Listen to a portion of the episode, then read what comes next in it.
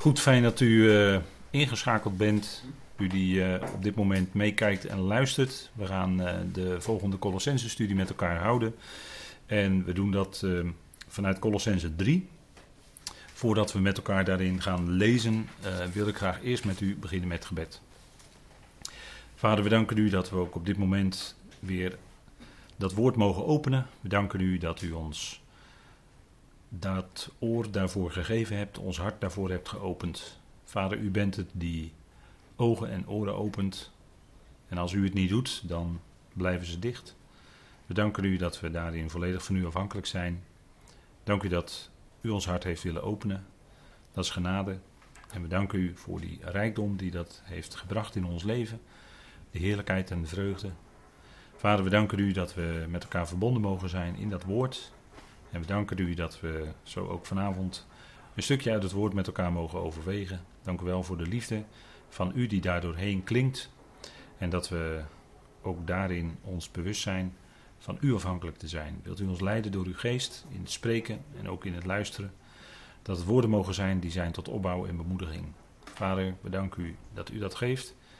In de machtige naam van uw geliefde zoon. Amen. Goed, ik wilde met u eh, lezen en u kunt meelezen met, uh, op het scherm of anders met uw eigen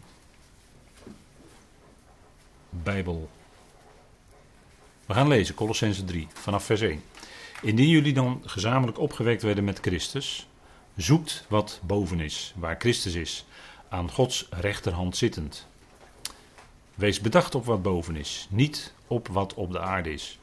Want jullie zijn gestorven en jullie leven is verborgen met de Christus in God.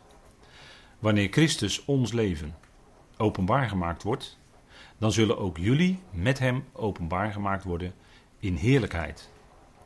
Breng dan ter dood jullie leden die op de aarde zijn: hoererij, onreinheid, hartstocht, kwade begeerte en de hebzucht, die afgodendienst is, waardoor de verontwaardiging van God komt over de zonen van de weerspannigheid, onder wie ook jullie eens hebben gewandeld toen jullie daarin leefden. Maar nu, legt ook jullie dit alles af: toren, gramschap, kwaadaardigheid, lasteringen, vuile taal uit jullie mond. Lieg niet tegen elkaar, de oude mens met haar praktijken afgestroopt hebbend. En aangedaan hebbend de jonge, die vernieuwd is tot erkenning, in overeenstemming met het beeld van hem die haar schept, waarin geen Griek of Jood, besnijdenis of onbesnedenheid, barbaar, skiet, slaaf, vrije is, maar alles en in allen is Christus. Tot zover de lezing uit Colossense 3. En als we nog heel even inzoomen op de dingen die Paulus behandelt in dit hoofdstuk, dan zien we hier dat eerste deel, wat je misschien mag samenvatten met wees bedacht op wat boven is. Daar hebben we met elkaar over gesproken. Het tweede deel, breng dan ter dood de leden op de aarde. Dat hebben we ook gedeeltelijk met elkaar besproken. En dan het derde is, leg nu dit alles af. Vers 8 en 9.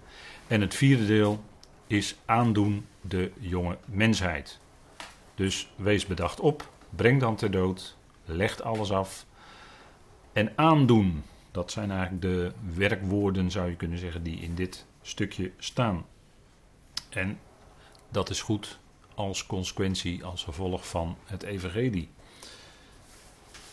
En als we het hebben over de consequenties, dan lezen wij hier in deze versen diverse keren woorden die duidelijk maken dat het hier gaat om conclusies, om gevolgen om consequenties. Logisch. Bijvoorbeeld in 3 vers 1, er staat: Indien jullie dan, dat woordje dan, is dan eigenlijk concluderend. Hè? En dan is de gevolg daarvan: zoekt wat boven is. En dan ten tweede in Colossense 3 vers 5, daar staat ook: breng dan ter dood. Dus ook conclusie op basis van het voorgaande. En in Colossense 3, vers 8 lezen wij: Maar nu, en je mag dat ook vertalen met thans, nu, echter. Dat is ook zo'n concluderend woord. En Waar is dat dan de conclusie van? Nou, dat heb ik op deze dia bovenaan gezet. Het punt is dat Paulus eerst heeft vastgesteld, en dat zijn de feiten van het evangelie, dat wij als gelovigen bewust zijn gestorven zijn tezamen met Christus. En we zijn ook opgewekt tezamen met Christus. En ook ons leven is tezamen met Christus verborgen in God. Dat zijn de feiten. En dat zijn de geestelijke waarheden die wij mogen kennen, die we geleerd hebben dat dat zo is. En Paulus gaat dan concluderen en dan zegt hij: Oké, nu je dit weet, dan.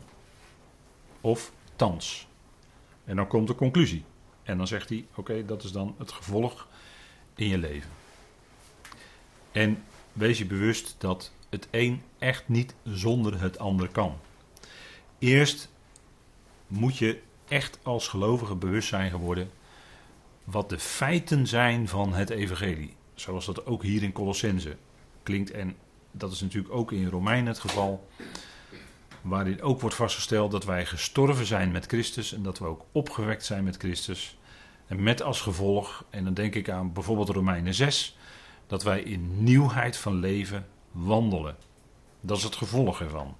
Maar het is dus gebaseerd op de feiten van het evangelie. Daar gaat het om. Het gaat om die feiten.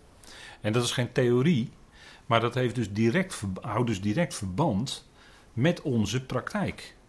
Punt, hè? Kijk, bij Paulus grijpen theorie en praktijk gewoon in elkaar. Alleen we zijn ons wel bewust dat de feiten, kunnen we beter zeggen, hè? de feiten van het evangelie, dat vormt de basis voor ons leven nu. Maar het gaat natuurlijk inderdaad hoe wij nu leven. Maar hoe we nu leven, dat als mens ben je altijd weer geneigd terug te vallen in bepaalde patronen. Van uh, ik heb in mijn opvoeding geleerd dit, of heb, ik, ik doe het maar zo dat. Uh, en als, ook als gelovige ben je toch sneller dan je denkt geneigd om terug te vallen in dat soort oude patronen, om het zo maar te zeggen. En daarom is het goed om steeds dat woord te horen, om ook steeds die feiten van het evangelie bewust te zijn. Dat wat wij mogen weten, dat, dat wat wij waargenomen hebben, en als resultaat daarvan weten we dat ook. En ik, we kunnen natuurlijk zo met elkaar een aantal punten zouden we kunnen doornemen van waarin Paulus zegt, dit weten wij nu. En op basis daarvan leven wij. En dat is het punt. En je, je ervaring in je leven gaat scheef trekken op het moment dat je je niet meer zo bewust bent van die feiten van het evangelie. En niet meer zo bewust bent dat het alles aan jou geschonken is in genade. En door zijn werk. Want onwillekeurig als mens ben je dan toch weer geneigd om zelf aan het werk te gaan. En dat is nou net niet de bedoeling. En dan loop je ook direct tegen dingen aan. Dan merk je ook dat het niet ja, op een of andere manier wringt dan de schoen, hè, om het zo maar te zeggen. Nou, we hebben gezien dat de vorige keren zijn we uh, gekomen tot en met vers 6 en daarom wil ik daarbij aanknopen in vers 7. Paulus die geeft dan aan, breng dan ter dood. En dat, daar refereert hij nog aan, aan die punten refereert hij nog aan in vers 7. Want hij zegt hè, de, uh, dat hoerderij, onreinheid, hartstocht, kwade begeerte, hebzucht. Dat zijn die dingen waarop, waarover, uh, op basis waarvan de verontwaardiging van God komt op de zonen van de weerspannigheid.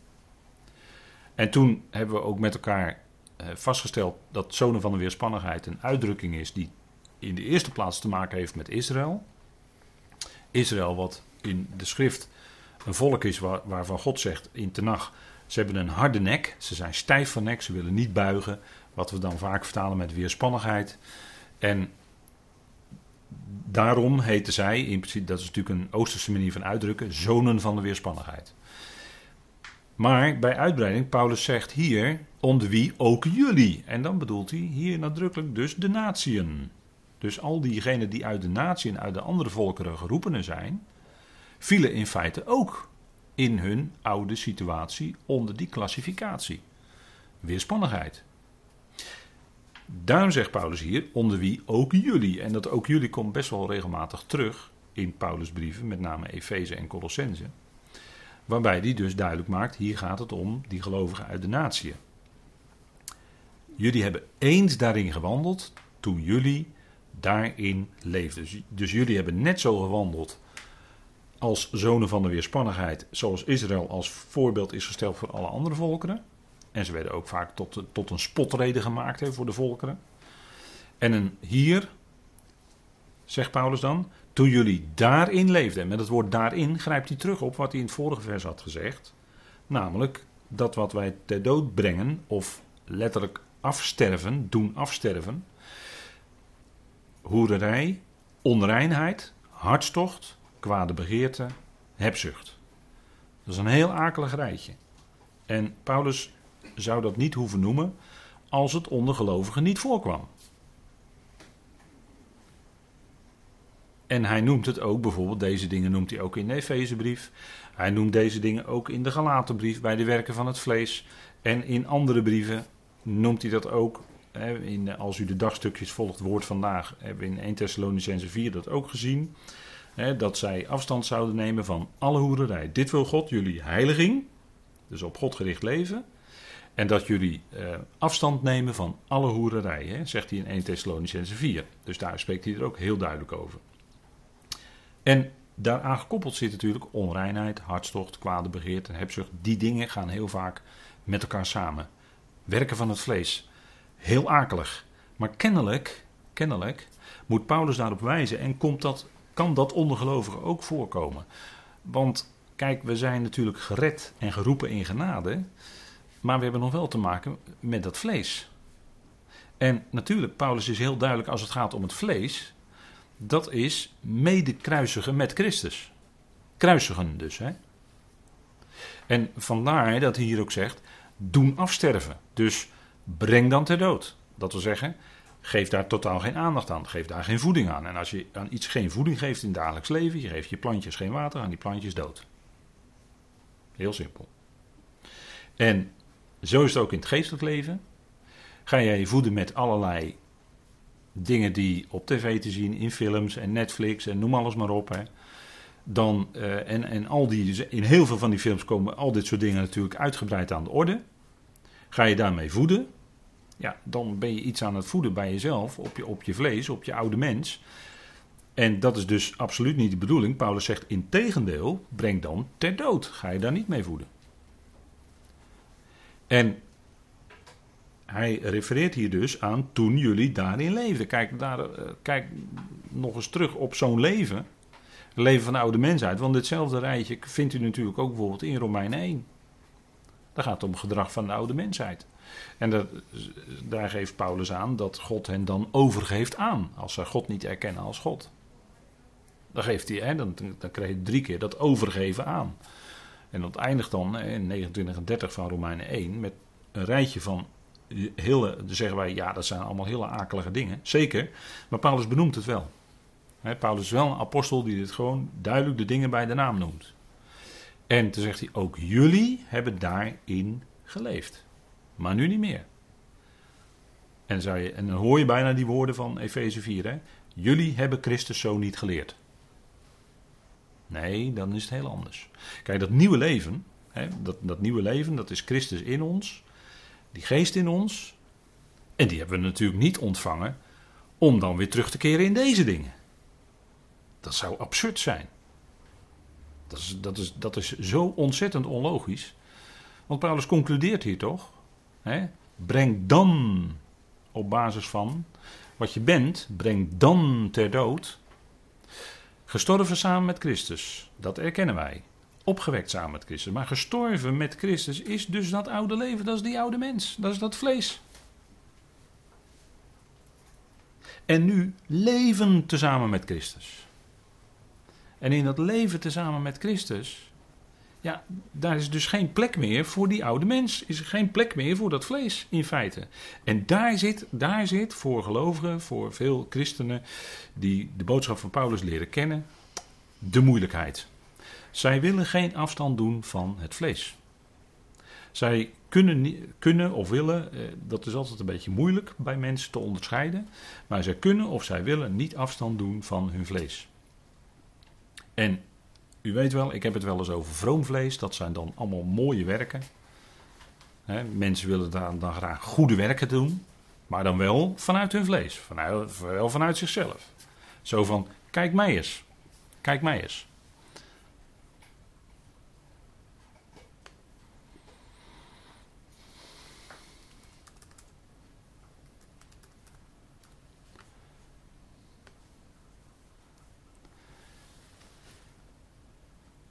En iemand die, die me dan te binnen schiet bij, bij zulke goede werken doen. En, en eh, ik respecteer alle mensen die heel veel goede werken doen. Daar heb ik alleen maar bewondering en respect voor. Maar als het puur alleen uit, eh, vanuit humane overweging komt, zonder God. Ja, dan zal blijken uiteindelijk dat het voor God niet zoveel waarde heeft. En zeg je, ja, het zijn werken van barmhartigheid. Ja, ja, zeker. Maar toch, het zijn dan werken die vanuit de mens zelf. Ja, en God zal daar dan, hè, dan, dan kunnen we overwegen, ja goed, God zal daar uiteindelijk zelf dan het, het, hè, het, het, iets over zeggen als de grote witte troon daar is enzovoort. Maar christenen willen ook graag vanuit zichzelf. En dan willen ze zelf, eh, toch, toch zit daar soms iets bij van, kijk mij eens, wat ik allemaal doe. En dan gaat het natuurlijk totaal niet om. Hè? Als je bewust bent dat je samen met Christus medegekruisigd bent, dat is jouw oude mens. Die is tezamen met hem mede gekruisigd. Gekruisigd. Even bewust zijn weer dat dat dus de dood is die de oude mens verdient. Aan het kruis ermee. niet alleen gestorven, nee, gekruisigd. En het gevolg daarvan is natuurlijk het sterven. Zeker. Maar het punt is juist, daar werd die oude mens ook tentoongesteld. De schande, de, de, hè, wat, wat het is. En eh, het punt is, kijk, Paulus die, uh, die borduurt daarop voort. En dan zegt hij ook, uh, leg nu af, hè, vers 8. Leg nu jullie ook dit alles af. Dan gaat hij een stapje verder. Hè. Dus we hebben dat ene, hè, je, zou kunnen zeggen, het, eh, diepste, diepste diepte van mensen, uh, heeft Paulus van gezegd, kijk, waarin de mens kan verzinken, breng dan te dood. En dan krijgen we nu, legt af. Hè, en dat legt af, dat is, ja, dat staat in, de, in een bepaalde Griekse werkwoordsvorm, dat noemen we dan de mediale vorm, dat wil zeggen, dat zit tussen passief, in, tussen passief en actief in dus je kan op basis van, uh, van, deze, van deze bewoordingen van Paulus, hè, de dringende adviezen die Paulus geeft, uh, kun je natuurlijk heel makkelijk als, als spreker gaan zeggen van, ja, nu moet je alles af gaan leggen en nu moet je... Zo is Paulus niet bezig. Want er zit ook nog een andere kant aan. Natuurlijk, dit is de weg die het evangelie wijst. Dat nieuwe leven uitleven van Christus. Hij leeft zijn leven door ons heen uit. En daar gaat het om. Uh, en dan is het punt, want je kan zeggen, ja, maar uh, je moet actief bezig zijn om, om niet meer die dingen te doen. Je moet, je moet dat alles afleggen en, en dan wordt er heel veel activiteit. En dan, dan hoor je gewoon, dat gebeurt bij heel veel prekers, er wordt heel veel activiteit van jou verwacht. Maar dan denk ik toch van, ja, wacht even, dit staat wel in een bepaalde vorm. Actief-passief, dat wil zeggen, ja, eh, de Heer is aan het werk in jouw leven. Hij geeft jou de kracht door zijn geest. Dus uiteindelijk de eer dat jij tot zijn eer kan leven. De eer is voor hem, hè? Dan kan je dus niet zeggen van, ja, maar ik ben zo actief geweest en ik heb zoveel goede dingen gedaan en ik heb zo goed uh, kunnen leven en zo zuiver kunnen leven en dit en dat. Dat kun je allemaal niet zeggen. Nee, de eer is voor de Heer. Die heeft zijn leven door jou heen uitgeleefd. En daarom was jij in staat om ook daadwerkelijk in jouw leven te kunnen afleggen. Dan heb je die twee kanten, hè? natuurlijk. Je bent als mens actief bezig, je bent elke dag bezig met allerlei dingen, je bent actief. Maar besef wel dat in die activiteiten, als, als je dat nieuwe leven uitleeft, dat de Heer het is die zijn leven, God is het immers, hebben we bij Filippenzen gezien, die zowel het willen als het werken, zowel het willen als het werken, in jullie bewerkt naar zijn welbehagen. Dat zegt Filippenzen 2. En dat moeten we altijd, want dat is de hoogste. Toen hebben we ook gezien dat dat eigenlijk de hoogste overweging is. Of de diepste overweging, hoe je het zeggen wil. Dat is de hoogste overweging. God is het die zowel het willen als het werken in jullie bewerkt. En dan ben je gewoon elke dag ontzettend actief bezig. Kan er niet toe leiden, en dat gebeurt ook niet. Het leidt er niet toe dat je elke dag dan op een stoel gaat zitten en nou moet het maar over mij komen. Nee, of moet het mij maar overkomen. Zo kan ik het ook zeggen. Nee, dat is het natuurlijk niet. Hij zet je aan en dan ben je actief en dan wil je tot zijn eer leven en dan, ja goed. En wees je dan wel bewust, ik wil tot zijn eer leven, als je dat zegt, dat hij dat vervolgens wel is die dat in jou heeft uitgewerkt. Hè? En dan doe je automatisch, hè, dit doe je dan, dit doe je dan niet langer aan. Wat Paulus nu, nu gaat Paulus weer een rijtje noemen, dit doe je dan niet langer aan. Hè. Daar wil je dan niet langer in wandelen, in lopen, maar dan wil je in iets anders gaan lopen. Dan wil je andere kleding, om het zo maar te zeggen. Kijk, in de herfst vallen die bladeren af. En dat is eigenlijk wat met het oude, hè, dat is eigenlijk vind ik een beeld van de oude mens. Hè, die, dat is een oud blad en dat valt dan af. En in de winter wordt alles wit. Hè? Dat wil zeggen dat al die zonden die zijn allemaal weggedaan. Hè, dus dat is typologie in de natuur. Dat is natuurlijk ook een prachtig onderwerp.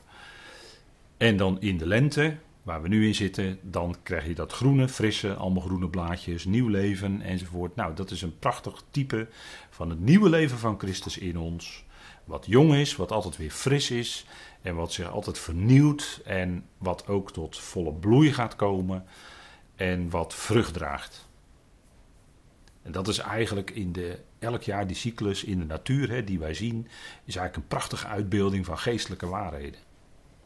En natuurlijk, dat kan ook niet anders, want het is dezelfde auteur, hè, het is dezelfde schepper. Hij heeft niet alleen die natuur om ons heen geschapen, maar ook zijn woord. En dat is natuurlijk nog een veel hogere vorm van uh, hè, schepping, om het zo maar te zeggen. Kijk, afleggen, als je je vraagt wat, wat leggen we eigenlijk af? We leggen af die oude mensheid. Want wat weten wij? En dan kom ik weer, refereer ik weer even op wat wij mogen weten. Dat wij samen met Christus mee gekruisigd zijn. Of gekruisigd werden. Kan ik ook zeggen. U weet wel, die twee rovers en die twee misdadigers die samen met de Heer gekruisigd werden. dat is dat vier en dat wijst op heel die wereld. En die twee rovers en misdadigers, dat hebben we wel vaker met elkaar vastgesteld. Wie zijn dat? Nou, dat hoeven we niet zo ver te zoeken hoor. Dat zijn u en ik, naar onze oude mens. Rovers en misdadigers. En dan schrikt u misschien wel. Ja, geldt dat voor mij ook? Ja, dat geldt voor u ook. En het geldt voor mij precies eender. Dat is, dat is zoals de oude mensheid eruit ziet. Hè? Dat zijn twee uh, misdadigers, daar zit het woord voor kwaad in. Hè? Dat zijn kakurgoi, hè? dat is het kwaad. En dat zit in de mens. En de mens is tot, tot van alles in staat. De mens kan zo ongelooflijk diep zinken. Als je denkt, hoe is het mogelijk dat de mens zoiets, zulke dingen kan doen? Ja, dat is mogelijk. En dat wordt dus vastgesteld op Golgotha aan het kruis. Kijk, daar hing dus die oude mensheid, die werd samen met Christus mee gekruisigd. En dat zegt Romeinen 6 dan ook, hè? Dat, dat, dat weten wij, dit weten wij. En ik hoop dat u dat ook weet. En daarom klinkt het nu weer, dat we dat goed zouden weten, dat die oude mensheid mede gekruisigd is met Christus. En daarmee dus ook weggedaan, begraven. En dat is opdat het lichaam van de zonde buiten werking gesteld zou worden. Kijk, ons lichaam wordt niet buiten werking gesteld, maar wel het lichaam in dienst van de zonde als zodanig buiten werking gesteld. Hè? Dat woord wordt gebruikt daar. En wat is dan het vervolg in Romeinen 6? Dat die leden van ons lichaam in zijn dienst staan. Dat we ons leden niet langer stellen ten dienste van de zonde, maar in de dienst van God. daar gaat Romeinen 6 over. Maar wees je opnieuw bewust, en ik wijs er nog maar een keer op. De basis daarvoor is het mede gekruisigd zijn met Christus. Paulus spreekt als enige apostel diepgaand en uitgebreid over het kruis, kruisigen, met Christus gekruisigd zijn en wat de consequenties daarvan zijn. En daarvan En dat is ook een reden waarom veel gelovigen, veel christenen niet, vaak niet verder komen in het evangelie van Paulus, of het niet verstaan, of het niet begrijpen. En dat hoor je dan terug.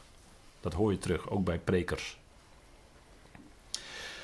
Het punt is dat eh, als, je dit, als je als gelovige dit niet diepgaand bewust bent geworden, en dat is verder niet mijn zaak of dat wel of niet bij u het geval is, dat is mijn zaak verder niet. Maar als je dat diepgaand bewust bent geworden, dan verwacht je ook echt helemaal niets meer van jezelf. Maar je verwacht het van hem. En dan, ja, dan, dan, dan sta je heel anders in het leven.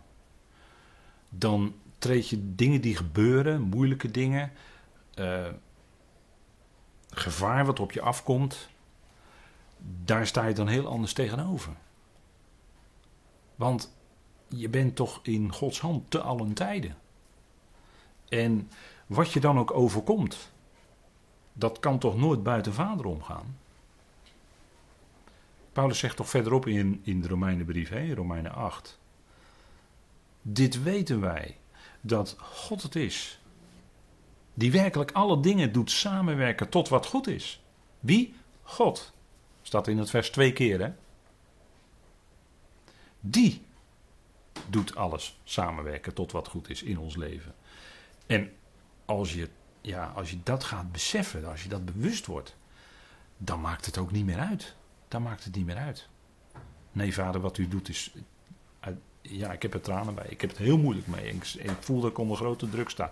En nochtans, vader, nee, u doet goed in mijn leven. U doet goed. Kijk, als je zo kan leven, dat, dat is ook een, een, een bepaalde vrijheid waarin je dan komt te staan. En dat bevrijdt ook van angsten. En ik denk dat veel mensen vandaag de dag angstig zijn. Angstig voor wat dan ook. Maar dit evangelie van Paulus, om het zo maar te zeggen, dit bevrijdt van angsten. En de diepste angst van de mens, van een natuurlijk mens, een mens in zichzelf, is de angst voor de dood. En daar zijn in feite vrijwel alle angsten van af te leiden. Maar als gelovige besef je, vader, u bepaalt mijn tijden. In uw hand zijn mijn tijden, zegt de psalmist. Hè? En als het in het Hebreeuws ook geldt dat de volgorde van de Hebreeuwse woorden ook nadruk krijgen voor in de zin, dan leert daar dus de nadruk op. Hè? In uw hand zijn mijn tijden. Dat is de overgave van de psalmist. We kennen dat ook in dat bekende lied. Wat we ja, soms nog wel eens zingen, denk ik. En soms ben je blij als je dat weer eens mee kan zingen. Laat hem besturen waken. Het is wijsheid wat hij doet. Zo, zult gij, zo zal hij alles maken dat gij u, hè, dat jij je verwonderen moet. Denk een heel bijbels, bijbels georiënteerd lied is dat. En dat is denk ik waar het om gaat. Als je je vertrouwen hebt in vader. Als je volledig voor de volle 100% je leven vertrouwt op vader. Op zijn liefde. Dan verdrijft dat angsten uit je leven. En dat, dat wens ik en dat bid ik u zo toe. Dat angst door liefde van God uit uw leven verdreven wordt. Want uh, de liefde verdrijft de vrees en angst, hè, zegt Johannes. Ergens in zijn eerste brief. De liefde verdrijft de vrees. Verdrijft de angst, verdrijft de fobie. En dat zijn geweldige dingen, denk ik. En het geweldige is, wat, wat Paulus dus vaststelt, is dat die oude mensheid, die is helemaal op Golgotha weggedaan. Voor God is dat eigenlijk al weggedaan.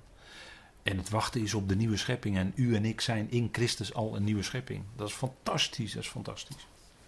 En dat uitleven, hè, dat, is, dat is heerlijk. Als je dat ervaart.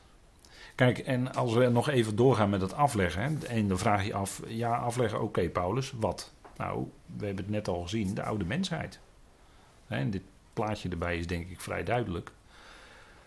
Maar kijk, in Efeze 4 zegt Paulus dat ook onomwonden. Even met elkaar lezen. En dan zegt u ja, het zijn bekende woorden. Maar dan altijd lezen. Hè? Altijd weer lezen, dat is altijd goed. Want die woorden van God zelf, daar gaat het om. Er staat in Efeze 4, vers 20: Jullie echter leerden de Christus zo niet. En er staat scherp in contrast met het gedrag van die oude mensen. Aangezien jullie hem horen en in hem onderwezen werden, zoals in Jezus de waarheid is, opdat jullie afleggen wat in overeenstemming is met het eerdere gedrag, de oude mensheid, die verdorven is in overeenstemming met de begeerten van de verleiding. Nou, die. Daar gaat het om. Hè? Dus afleggen wat van die oude mens is. En je gaat dan verlangen om uit te leven wat hoort bij die nieuwe mensheid. Want daar hebben we deel aan. Het is fantastisch dat wij al de eersten mogen zijn die horen bij die nieuwe mensheid. En uiteindelijk zal die hele mensheid ook vernieuwd zijn. Als God alles in al is, als iedereen levend gemaakt is, dan heb je die hele nieuwe mensheid compleet. Maar wij zijn daar de eersten van. Nou, dat is natuurlijk geweldig hè, dat we dat uitzicht hebben. En als je dat nu al mag weten als gelovige zijn, ja, dat is fantastisch. En Hebreeën 12, hè, als, als heel de schrift is ons tot voorbeeld gegeven. Afleggen, wordt dat woord ook gebruikt. De zonde die om ons heen staat. Hè, als ik dat woord even letterlijk mag vertalen. De zonde die om ons heen, laten wij dan afleggen. En laten we het ook maar even met elkaar lezen, Hebreeën 12. En dat sluit natuurlijk aan op Hebreeën 11 die rij van geloofshelden, hè, zoals wij dat dan zeggen, van gelovigen. En daar sluit Hebreeën 12 natuurlijk eigenlijk naadloos bij aan, want dan komt de gelovige bij uitstek, dat was onze Heer natuurlijk. Hebreeën 12 vers 1, daarom dan ook, nu wij zulke grote wolk van getuigen rondom ons hebben. Dat is Hebreeën 11, hè, die wolk van getuigen. Laten wij alle last en de zonde die ons licht omstrikt, zegt deze vertaling. Afleggen en met volharding de wedloop lopen die voor ons ligt. Terwijl wij zien op Jezus, de overste leidsman en de voleinder van het geloof. Dan heb je het weer, hè? geloof. Kijk, en die zonde die zo om ons heen staat, waar die Hebreeën schrijver het over heeft, is ongeloof. De kern is ongeloof. Dat is in feite een van de belangrijkste kernen, hè? ongeloof. Dat is, een, dat is zeker een zonde. Want dat is het niet vertrouwen op het woord van de Vader. En dat, dat eh, neemt Vader, om het zomaar te zeggen, hoog op. In die zin dat, dat het een ernstige zonde is, een afwijking van de norm. De norm is, God spreekt en wij geloven dat. Dat is de norm. En alles wat daarvan afwijkt, is niet naar die norm. Dus dan is het zonde. En bij Israël was het vooral aan de hand, hè, ongeloof. Want ja, Hebreeën 12, Hebreeën 3 en 4 spreken natuurlijk ook over het ongeloof van, van Israël. Hè? En Hebreeën gaat natuurlijk ook over handelingen, waarin het volk Israël als hele volk, met name het Sanhedrin, bleek ongelovig te zijn. Niet inging op dat evangelie van het koninkrijk. En daar was dus behoorlijk ongeloof aan de orde. En daar gaat Hebreeën ook mede over. En vandaar dat hier de zonde die ons zo licht omstrikt, is er een van ongeloof. Niet vertrouwen wat vader zegt. En ongeloof, ja, dat, dat is ook een kenmerk van die oude mensen, die oude mensheid. Dus ook dat afleggen. Hè? En als Paulus het heeft over afleggen, hè, als je even zo een gangetje maakt door die brieven van Paulus, als je daar even doorheen wandelt, dan heeft Paulus het ook in Romeinen 13, vers 12 over wat wij afleggen als gelovigen. En dat zijn de werken van de duisternis. En ik denk dat dat ook een, eh, een, eh, een thema is. Hè. Romeinen 13. Romeinen 13. En die woorden zijn altijd heel erg toepasselijk, vind ik. De nacht is vergevorderd. En als we nu om ons heen kijken in de wereld, dan kun je dat alleen maar constateren. De nacht is vergevorderd. Het, het is heel duister geworden. En de dag is nabij. Kijk, als de duisternis het diepst is, hè, dus een beetje zo tegen het einde van de nacht, dan is het heel dicht bij dat ochtendgloren. Dan gaat dat licht gaat komen. En dat is onherroepelijk. En nu, in deze wereld, zien wij dat de duisternis hand over hand toeneemt. En dat moet ook, dat is naar Gods plan. En Paulus die stelde dat al in zijn dagen vast.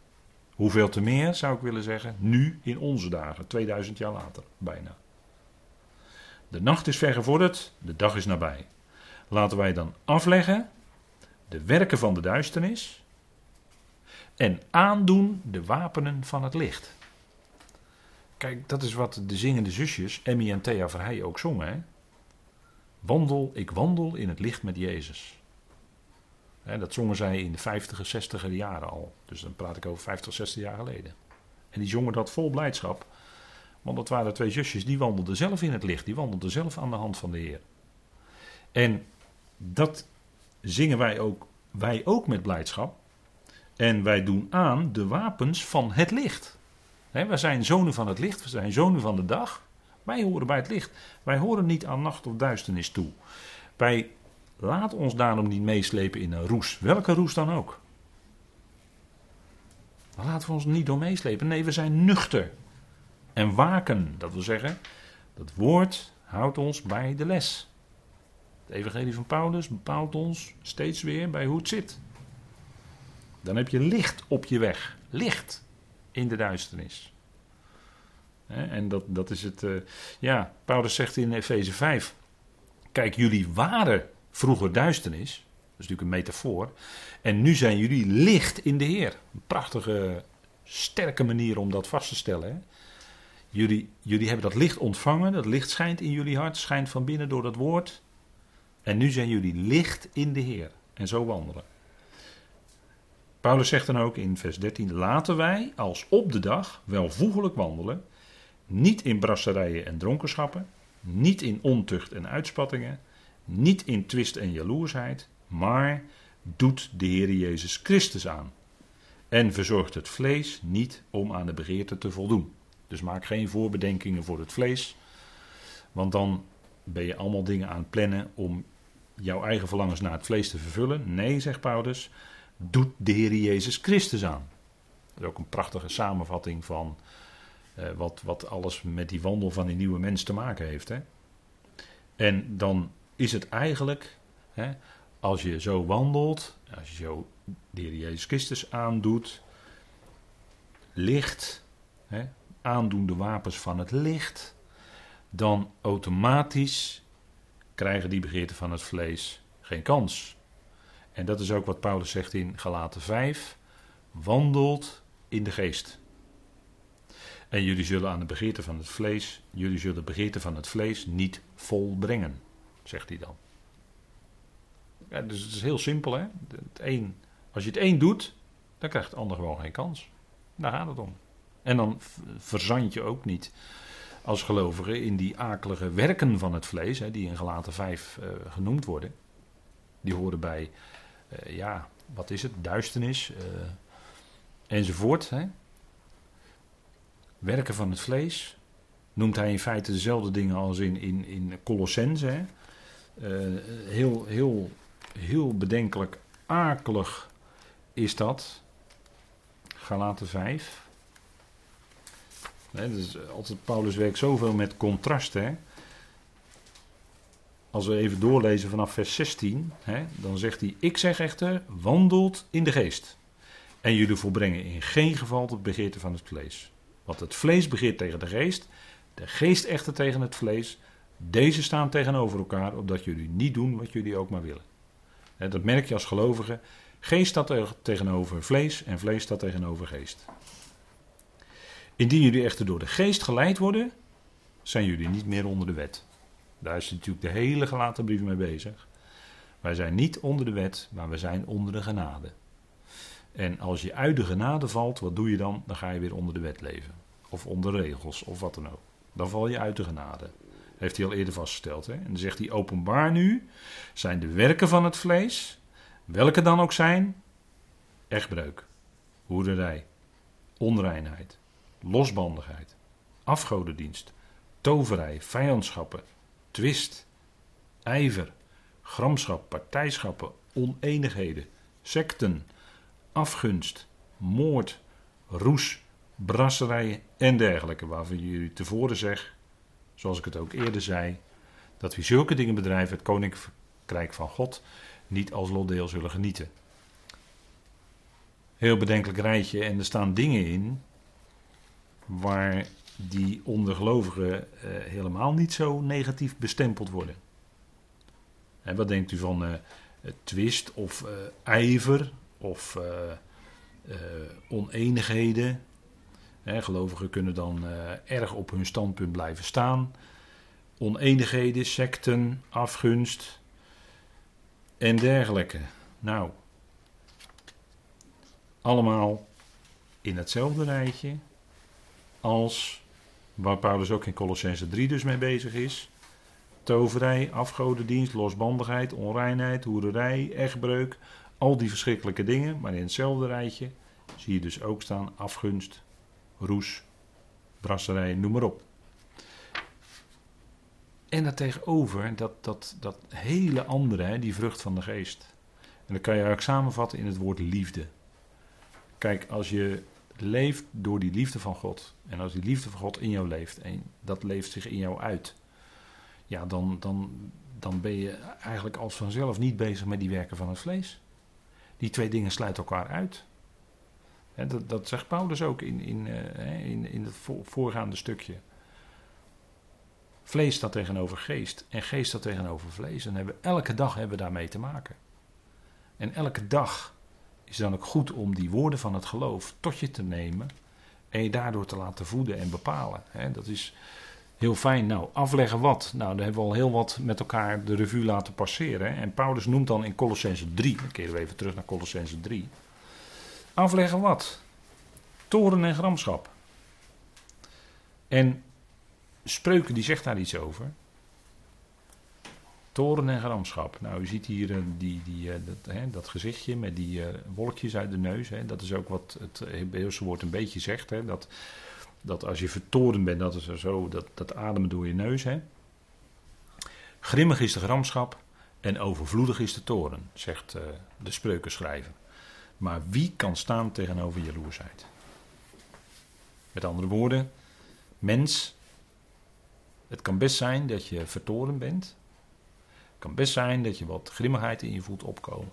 Maar kijk eens wat er gebeurt. En daar geeft de schrift ook voorbeelden van. Kijk eens wat er gebeurt bij een Herodes. Die werd grimmig. Want er was een kindje geboren. En die uh, magiërs die kwamen uit het oosten. Met goud, wierook en mirre. En uh, Herodes zag natuurlijk direct als een concurrent. Hé, dat is een uh, geboren koning. Dus ik ga die. en hij werd daardoor grimmig en vertorend. En wat gaat hij doen? Hij geeft opdracht om kinderen onder de twee jaar te laten vermoorden, notabene. Te laten ombrengen. Dus tot, tot zo, hè? hij is dan in de positie om dat te kunnen laten uitvoeren zelfs. Maar dan kun je zien wat toren en grimmigheid kan doen. En dat het dus in een mens, ja, eh, hoe moet ik dat nou zeggen? Paulus zegt, leg af. Toren en gramschap, leg dat af. Uh, toren wordt ook bijvoorbeeld in prediker verbonden met dwaasheid. Zou je niet verwachten. Maar in, in toren en verontwaardiging kunnen mensen dingen doen waarvan ze misschien jaren later zeggen: ja, dat was eigenlijk toch wel een beetje heel, heel erg onhandig voor mij om dat te doen. Maar ik was zo enorm. Uh... Nee.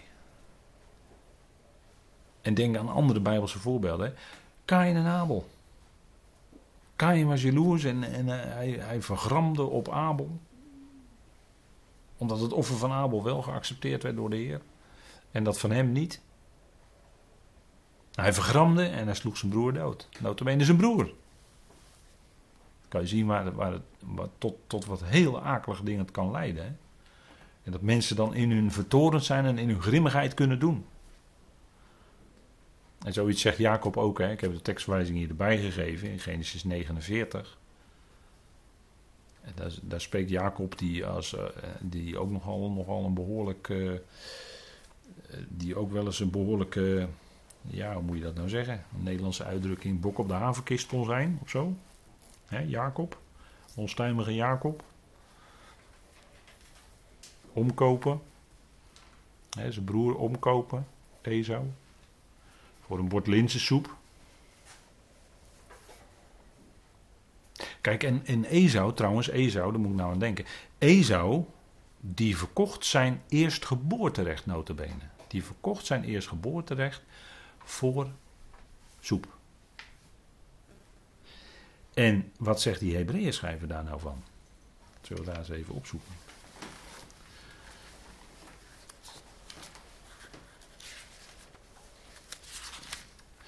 Hebreeën.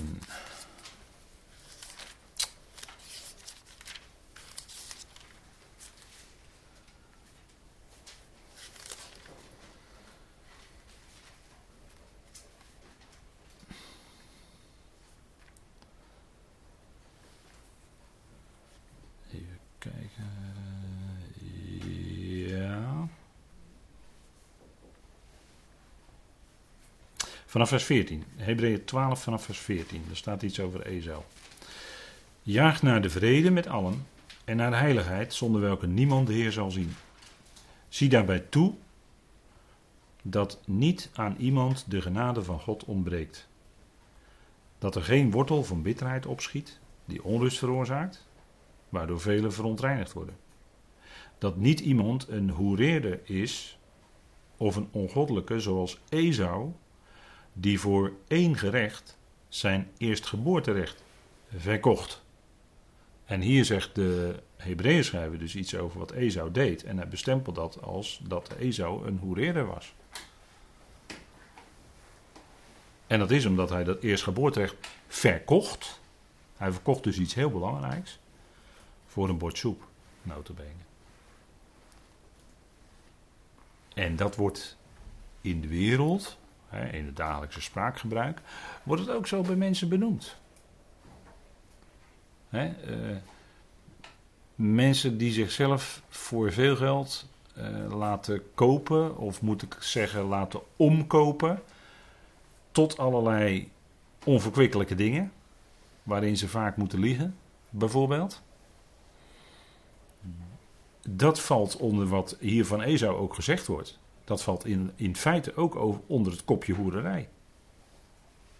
Je verkoopt jezelf voor veel geld. En je moet allerlei onverkwikkelijke dingen doen. En bij Ezo ging het dan notabene om zijn eerstgeboorterecht. En, en dat is wat in de wereld van vandaag, op laag niveau zeggen we dan, maar denk erom, ook politiek en in de samenleving op hoog en nog hoger niveau gebeurt. Dat gebeurt. Omkoping. Met enorme gevolgen. Mensen die op belangrijke posities omgekocht worden. En de schrift zegt wat het is. De schrift zegt hier met Ezou dat het hoererij is, een vorm van. En we hebben met de, met de Bijbelstudie Openbaring gezien. In Openbaring 17, als Babylon beschreven wordt, dan wordt het beschreven als een grote hoer die zit op vele wateren. En die wordt zelfs genoemd de moeder van de hoererijen en van de gruwelen van de aarde. En ik ben er heel diep van overtuigd dat het ook te maken heeft met omkoperij. Wat op grote schaal in onze samenleving gebeurt. Op hoger niveau ook. Mensen worden gekocht. In posities. Om dingen te bewerkstelligen. Om laten we maar zeggen, de grotere plannen te realiseren. Dat gebeurt. En als je dat ziet, als je dat ziet, dan zie je dus in onze tijd de contouren van wat in openbaring beschreven staat.